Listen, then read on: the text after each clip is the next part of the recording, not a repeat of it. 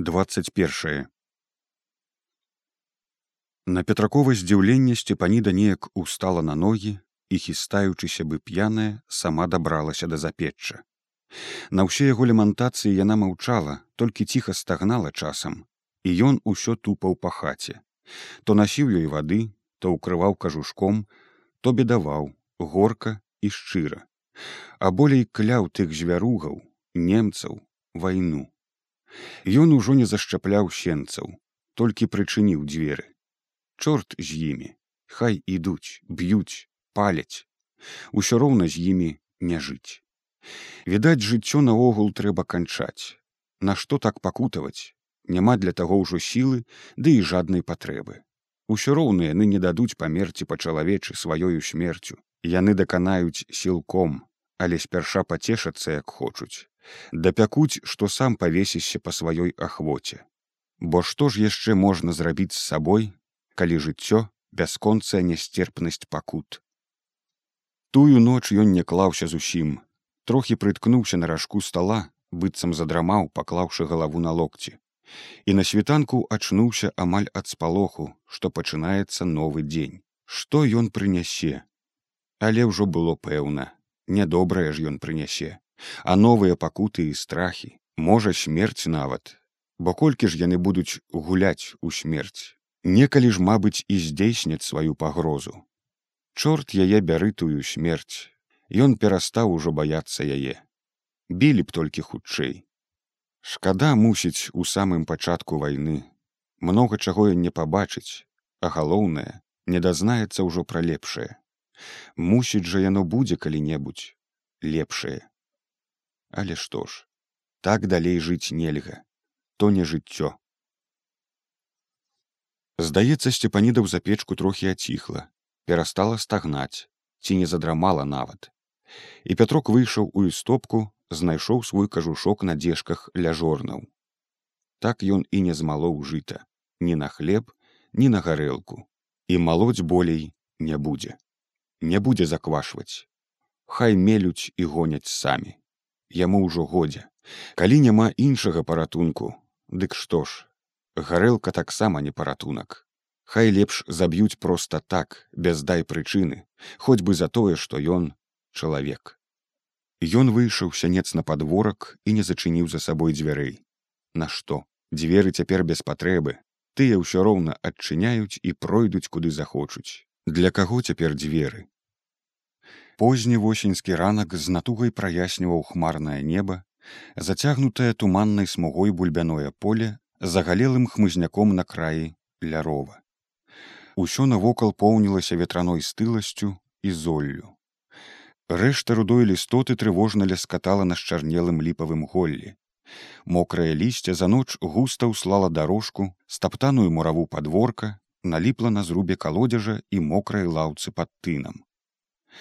Гэта ноч пад расстрэлам нешта зрушыла ў петраковай свядомасці, нешта непапраўна зламала, збіла хаду яго думак са звыклага для яго кола. Ён не ведаў ужо, што рабіць і куды ісці. Карцела праўда сысці куды далей ад сядзібы, бо адчуваў, што тут яго зноў спасцігне тая ж навала. Зноў з'явяцца тыя з вінтоўкамі, і яму будзе кепска, калі не зусім пагібельна. На дарогу ён ужо баяўся паказвацца, адтуль цяпер ішла для яго ўся небяспека. Як заўжды хацелася затуліцца за рог схавацца ад чужога хцівага вока. Ён пайшоў на дрывотню зірнуўшы са смуткам на насцяж расчыненыя вароты хлява раскіданыя падрывотні лепшыя яго бярозавыя паленцы і нават перакуленую і адкочаную з яе спрадвечнага месца калоду на якой гадоў трыццаць секлі тут дровы З дрывотні ён згледзеў знаёмую сцежку цераз здратаваны гарод у роў і нечакана пайшоў па ёй. Ён ужо ведаў куды. На аслабелых хісткіх нагах ён сашкандыбаў праз хмызняк уніз, не адхінаючы голле, якое чаплялася за шапку і за плечы, таропка пайшоў па сцежцы ля ручая. Мінуў барсукову нару, перабраўся па камянях на той бок і ўрэшце ўзлез у гору, у меншы равок, зарослы непралазным гушчаром маладога ельніку. На знаёмай прагаліне было сыра і пуста. Воглае вуголле на ўчарашнім вогнішчы паміж трох закапцелых камянёў апала маленькаю кучачкай. У шыпшынавым кусце за смяхлымі барвовымі ягадамі ён згледзеў свой чорны казан, трохі прыкіданы сапрэлым лісцем і падумаў: Чорт з ім, Хай і ржавее. Ён болей да яго не дакранецца, з самагонкай усё скончана. Азірнуўшыся, ён прысеў ля куста і пад зламаным сучком разгроб лісце. За брудную шыйку выцяг такую ж запэцканую чорнай зямлёй бутэльку, ашчадна ацёр яе касматай палой кажушка. Яны там пілі, здзекаваліся ці весяліліся, а ён не паспытаў нават. Ён ашчаджаў, стараўся, каб лепшай выгнаць. Каму? Пра каго ён клапаціўся дурань, Пра сябе, канешне, але хіба пра сябе цяпер так клапаціцца трэба. Ах, дурніла старое. Пятрок выдраў папяровы корак з бутэлькі і ашчадна глыкнуў раз другі. Добрая халера гарэлачка, які ён усё ж маладзец, што не аддаў першака. Хай п'юць тую бурду, тую рудую рэшту. Мабыць, ім усё роўна, а гэта его самай лепшай ён сам пачастуе сябе, бо хто ж яго яшчэ пачастуе. І чым яшчэ паласаваць сябе, калі не за куркай, ды гэта его праз гора выгнанай горкай. Праўда, без шаркі нібы які п'яніца з рыльца бутэлькі, Але што ж такі распракляты час зручны для смерці і зусім нягожы для людскога жыцця. Ён яшчэ трохі выпіў, перавёў дух і падумаў, што ўсё ж гэта паскудства піць без закускі. Хацеў шпурнуць бутэльку далей у роў, ды сквапна асцярогся. Стала шкада недапітага. У думках ужо настала млявая лёгкасць. Ягоная гора перастала быць такім безнадзейна горкім, як толькі што адчувалася. З'явілася прыемная ўпэўненасць у сабе і нават прыбыло сілы ў целе. Сволачы яны канешне думаў пятрок пра паліцаяў але і ён не даўбежка неякі там ахламон недарэка. Ён таксама трошки цяміць у жыцці і нават у вайне якую ён пабачыў у тую пару як тыя пад сталом лазілі. Ён не дасць ім на сабе ездзіць якім захочацца. Яшчэ ён пастаіць за сябе. Во хоць бы і з гарэлкай. Чорта ён даў ім гэтую найлепшую бутэлечку. Нават выстаяў под расстрэлам нагледзеўся смерці ў вочы а вот жа не аддаў упёрся і паехалі з чым прыехалі. Скулля ім. Не азірнуўшыся нават на сваю прагаліну ён падлез пад калючы ельнік і трохі запарушыўшы вочы выбраўся на сцяжыну па якой нетаропка патупаў у аўражнай цішы назад бутэльку з недапітым першаком не кідаў трымаў у руцэ і думаў, што яшчэ трохі глыне і тады кіне ў ручэй. На завароце ручаіны, дзе разам заварочвала і сцежка, ён стаў трохі здзіўлены, ледзь не сутыкнуўшыся з ручкам. Сабака таксама, мабыць, дзівіўся гэтай нечаканай сустрэчы, але тут жа ўзрадаваўся, замахаў хвастом. Ну што, што ручка? загаманіў да яго пятрок. Цяпер мусіць вельмі дарэчы было пагаманіць з кім-небудзь але з кім жа тут пагамоніш апроч як з выпадковым сабачкам ручка з пільнай увагай зразумець нешта узіраўся ў яго твар сваімі пакутна няўцямнымі вачмі і енчыў ціхенька бы просячы штось галодны галодны канешне ну пайшлі. Цяпер бачыш няма нічога ніякой крошки во бачыш? Спрабаваў вывернуць пустую кішэню пятрок. Няма. А ў хаце што-небудзь будзе. Пайшлі. Дома цябе накармлю. Ён пайшоў далей па сцежцы, думаючы, што на гэты раз трэба абавязкова што-небудзь даць ручку, які ці не з учарашняга чакае яго тут у рове. Але ж учора не далі тыя звяругі. Добра яшчэ, што не прыстрэлілі на падворку. Ды і яго самога таксама хацелі застрэліць, што перажыў, страшна ўспамінаць нават.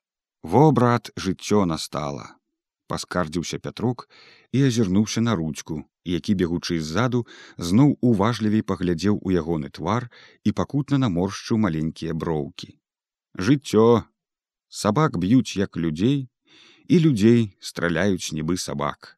Ураўнялі род чалавечы, падспасобілі пад скаціну якую, ага брат, Хаця ім што, думаў пятрок.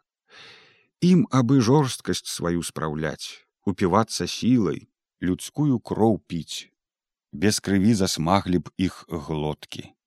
І гарэлкаю не размочыць. Не не размочыць. Ім пасля крыві гарэлку давай а пасля гарэлкі зноў на кроў цягне. Во па гэтым коле і носяцца. Ах, звяругі, звяругі. Ён ужо ўпэўнена тупаў па сцежцы з цвёрдым намерам на хутары чым-небудзь накарміць ручку, бо зусім асірацеў сабачка, Мабыць, пабойваецца людзей і круціцца на адным месцы ў рове, дзе той страшнай ноччу згубіў свайго янку. Але янка ўжо ўсё. Янка цяпер далёка, ягоная душа цяпер мусіць на небе. Бязгрэшная хлапечая душа. Яна пэўне ж пападзе ў рай, А во куды пападуць нашы грэшныя душы. Пяршак пятрок не дапіў. Цвяроза падумаў, што яму, мабыць, годзе. Трэба палячыць сцепаніду пасля ўсяго перажытага жонцы самы раз будзе глынуць які кілішак жытняй пэўна ж прыбудзе сілы ды бадзёрасці. Малы кілішак гэта як лекі і неблагія лекі прытым. Самі дактары не адмовяцца а дактары знаюць як трэба піць. Дактары ўсё знаюць і што піць і чым закусваць. Яму б таксама не шкодзіла б чым закусіць. Дужа хацелася есці асабліва цяпер пасля выпіўкі. Усе гэтыя дні галодны не раўнуючы як той ручка там паямо. Азірнуўшыся абнадзеяў пятрок сабачку які не адстаючы ні на крок бег следам. Ужо мы цяпер паямо. З натугай аж спацела спіна ён ускараскаўся па крутой сцяжыне на ўзровак Сабачка, зразумеўшы нарэшце, куды ўзяў кірунак пятрок, трохі абмінуў яго і пабег наперадзе, дужа не выпінаючыся аднак перад чалавекам. Пятрок думаў, што трэба найперш засмажыць бульбы з салам, калі яшчэ засталося яно ў кубёлку. Прыйдзе, абярэ бульбы і засмажыць, дасць есці сцепанідзе і знойдзе, што кінуць гэтаму беспрытульнаму ручку. Бо хто ж яго накорміць цяпер? Тут жа забілі янку, во ён і круціцца. Счытай ужо як бы тутэйшы сабака з ехімоўшчыны але чаго раптам рудзька стаў на сцяжынцы і настырчыўся? Ягоны хвост перастаў матляцца. Пятрок хістка не адразу спыніўся. Ужо відаць стала ягоная сядзіба цераз гарод і там за дрывотней штось матлянула рудое. Ну быццам які руды дыван на паркане але гэта не дыван мусіць пятрок працёр пальцамі вочы і ўгледзеўся лепей Так яно і сталася, як ён баяўся, не хочучы, аднак прызнацца сабе. Яго апярэдзілі. На двары ля паркана ўжо тупалі ківаючы галовамі рыжы і вараны коні. І хоць ля іх нікога не было відаць, Пятрок зразумеў, што яны ўжо прыехалі. Пятрок ледне заплакаў ад крыўды гора і страху, які на ўхват ашчаперыў яго. Пераступіў на сцяжынцы, азірнуўся. Ён не меў ужо сілы ісці туды на сядзібу, бо вельмі добра адчуваў, што там чакае яго, але куды было ісці? У чыстае поле у баранні лог у балота назад у роў? Але ў хаце заставалася хворая прыбітая жонка увесь ягоны набытак. Яны ж адпомсцяць яму як захочуць. Хіба ад іх паратуешся і ўсё ж ногі яго павярнулі назад. І ён аж прыгнуўся трохі увабраў галаву ў плечы і хісткімі крокамі патрухаў па сцежцы дарова. Толькі ён не дабег нават да пачатку кустоўя. Ззаду данёсся першы пагрозліва гучны крык. Пятрок стой! Стой такую тваю! Назад! І зараз жа тугі шчаўчок стрэлу ляснуў здалося над самай яго галавой куля пранеслася міма у хмызняку на ўзроўку ціха ўпала долу сечаная ёю галінка. І ён раптам ацверазеўшы ўцяміў што ўцякаць нельга. Ад іх не ўцячэш. Сапраўды двое іх ужо беглі цераз гародна ў прасткі ад сядзібы. І ён спярша стаў а затым і павярнуўся назад тыя таксама сталі за плотам ля абсталяванага ім афіцэрскага клазета вінтоўкі яны трымалі на пагатове каб адразу як ён пабяжыць усадзіць яму кулю паміж лапатак але ён не пабег Ён ішоў па сцежцы, па якой хадзіў тут двадцать гадоў. І ўсё ў ім паднімалася, напружвалася, пухла ў страхавітай крыўдзе пратэсце. За што? Неяк няўцям ён адчуў у руцэ бутэльку, што нёс сцепанідзе. Там яшчэ трохі боўталася, але цяпер ужо сцепаніда не вып'е. Не размахваючыся ён шпурнуў бутэльку ў бок, з кароценькай радасцю сцяміўшы, што і ім таксама адтуль не дастанецца хай выцякае ў бульбоўнік Ён усё болей рашуча ішоў насустрач паліцаем, якія за плотам таксама ішлі на пярэймы яму да сцежкі. Гуш у сваёй скуранцы наперадзе, а каландзёнак з паднятай вінтоўкай ззаду. Амаль фізічна адчуўшы іх зласлівы намер, Пятрок спыніўся. Ну што? Ну што, гадаўцы, Чаго вам трэба? Слаба крыкнуў ён амаль праз слёзы, якімі замакрэлі вочы. Пад горла яму таксама падвалілася нешта, мулкае і даўкае. І ён спыніўся на сцежцы за пяць крокаў ад плота. А ну хоць бліжэй, неяк дужа спакойна, з ледзьве прыкметнай пагрозай сказаў гуш, утаропіўшыся ў яго цвярдым, як цвік позіркам. Твар паліцая быў нібы дзеравяны, і пятрок адчуў, што на гэты раз не абыдзецца. Что вам? Чаго вы чапляецеся? Якога ражна вам трэба ад мяне? Гады вы нямецкія запраданцы а ну спакойна зарэчыў гуш ускідваючы вінтоўку. А то мы что вы? Что застрэліце? Дык страляйце чорт вас бяры з нечаканай рашучасцю ад якой сам спалохаўся закрычаў пятрок і патрос у паветры сцятымі ў кулакі рукамі. Страляйце! Гэта паспеем спакойней аб'явіў гуш ідзі сюды! А во не пайду. Не пайду да вас і слухаць не стану. Вылюдкі вы!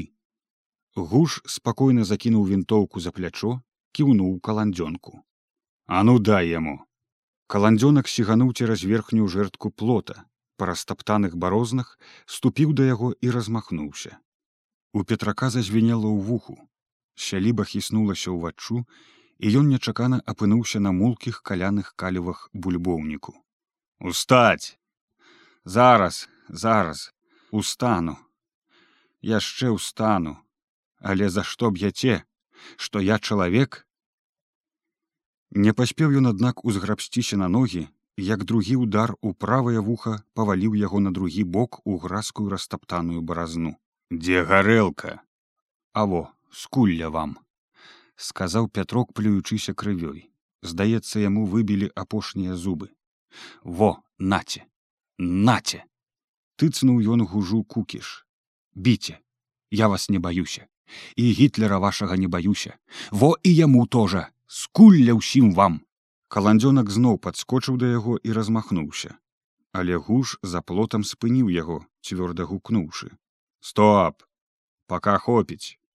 Мы яго гэта показательно рэпрэсію ці што тонкім голасам спытаў каландзёнак.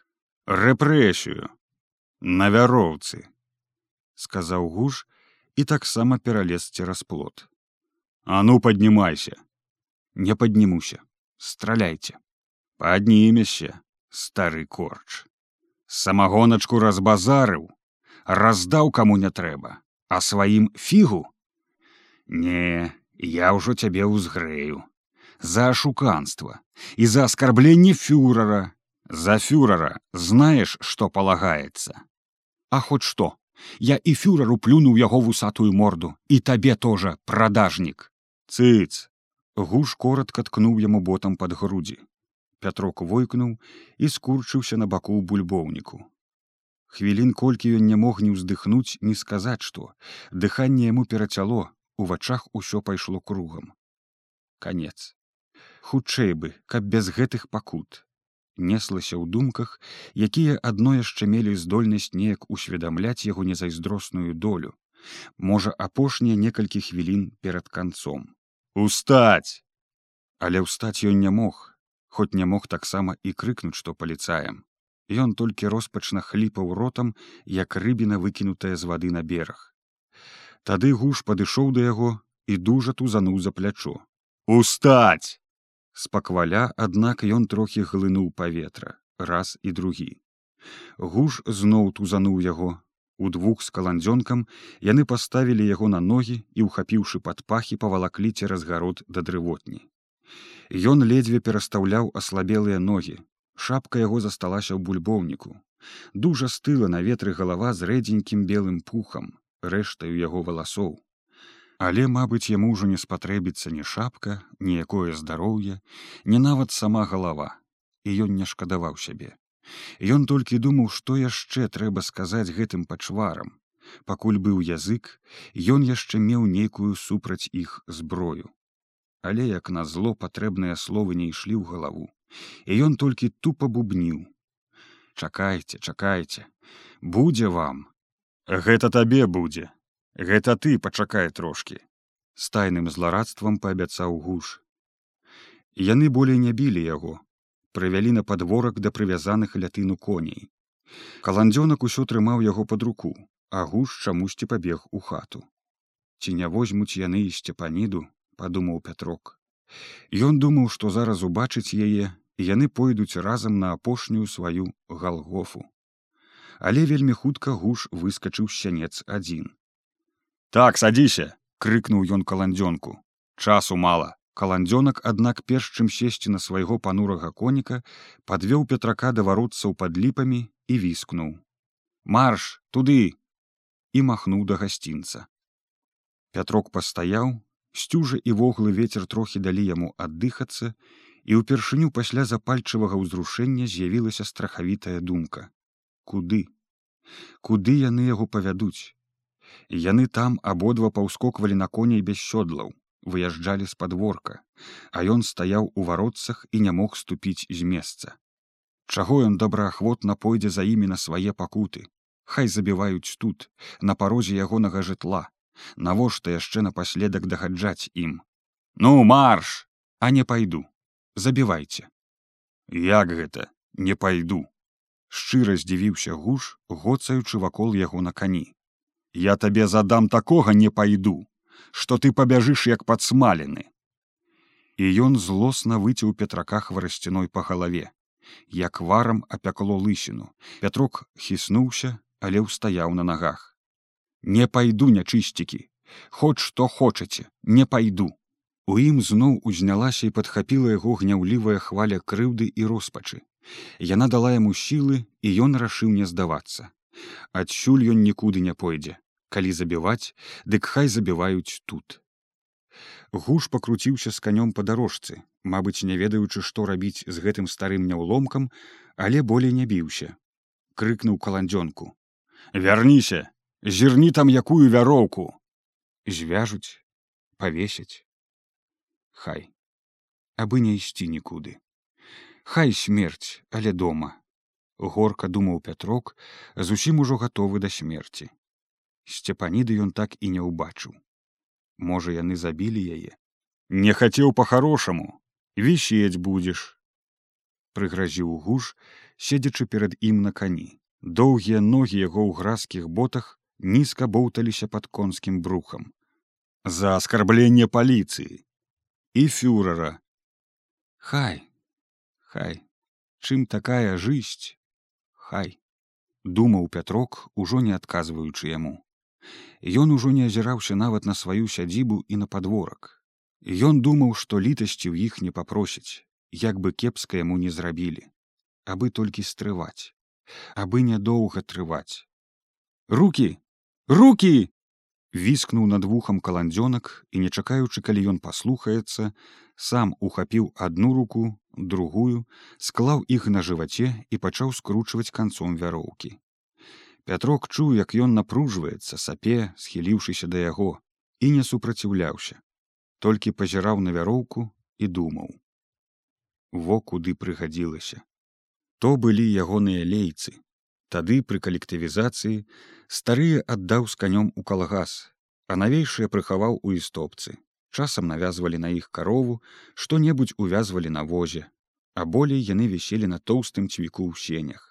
Цяпер імі вяжуць ягоныя руки. спатрэбіліся. Урэшце каландзёнак завязаў тугі вузел на ягоных руках, другі канец вольна раскінуў у доле па стаптанай капытамі і развернутай аўтамабільнымі коламі дарозе. І пятрок аж здзівіўся, Нашто? Але тут жа стала ўсё зразумела.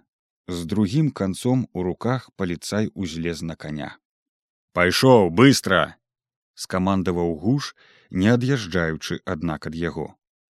Ад'ехаў адзін каландзёнак. Лейцы на гразі распрасталіся, напяліся і дужа тузанулі яго за руки. Быстро сказаў. Гуш зноў секануў яго дубцом па галаве, якую наскрозь працяў боль. Каб не ўпасці, пятрок змушаны быў пабегчы на гэтай вяроўчыне за каландзёнкам, які нагамі штурхаў у бакі каня. Агуш з дубцом у руках паганяў яго ззаду. Быстро! Быстро, стары бальшавіцкі корч! Пятрок не паспяваў, спатыкаўся, кідаўся ў бакі, апоркі вялі ў гразі, але ўпасці цяпер на дарогу было б яшчэ горш. І ён бег, сігаў тузаўся на вяроўцы якая рвала скуру на ягоных руках і цягнула валакла яго да гасцінца твар ягоны зноў замакрэўся ад слёз якія няспынна студзіў прухкі ветер што парывіста дзьмуў насустрач нячысцікі гадаўцы захлынаючыся ветрам крычаў пятрок але пачакайце мой федька прыйдзе сын мой прыйдзе ён вам пакажа не думайце Федька прыйдзе. Федька прыйдзе, Федька прыйдзе.